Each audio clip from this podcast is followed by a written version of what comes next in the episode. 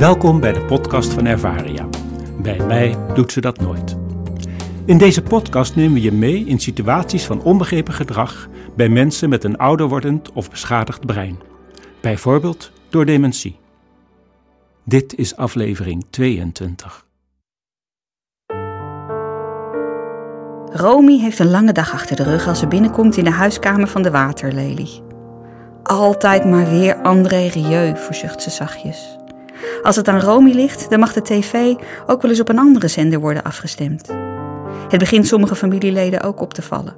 Is het niet saai als telkens weer die dvd met concerten van André Rieu aanstaat? Voor de bewoners van de Waterlelie niet. Mevrouw Draaier, meneer Boer en mevrouw Brink, ze genieten ook deze middag zichtbaar van de beelden en de muziek. Romy besluit haar eigen voorkeur te laten voor wat het is en de muziek te waarderen omdat het effect heeft op de bewoners. Als we kijken naar de werking van onze hersenen, dan zouden we kunnen spreken van een André Rieu-effect. Waarom houden mensen met dementie van André Rieu?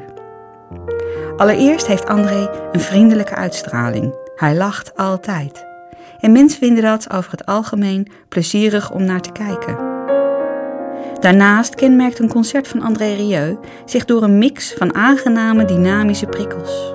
De beweging komt uit de strijkstokken van het orkest die mooi synchroon gaan. Er zijn dansparen en er is rustig meebewegend publiek. De muziek doet de rest.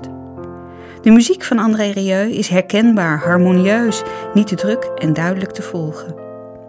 De hersenen kunnen deze mengeling van beeld en geluid goed verwerken en daarom is het kijken hiernaar voor veel mensen met dementie prettig. Natuurdocumentaires en oude tv-series als Zwiebertje hebben deze mix ook. Maar let op, smaken verschillen, ook bij mensen met dementie. Er kunnen dus bewoners zijn die minder gecharmeerd zijn van deze muziek. Geef ook hen de juiste aandacht. Zoek wanneer je de tv bewust aanzet als bron van prikkels, een mix van aangename prikkels van beeld en geluid.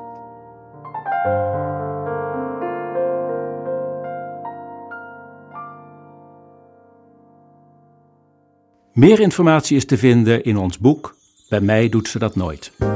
Je kunt ook de website www.ervaria.nl bezoeken of mailen naar info.ervaria.nl. Bedankt voor het luisteren.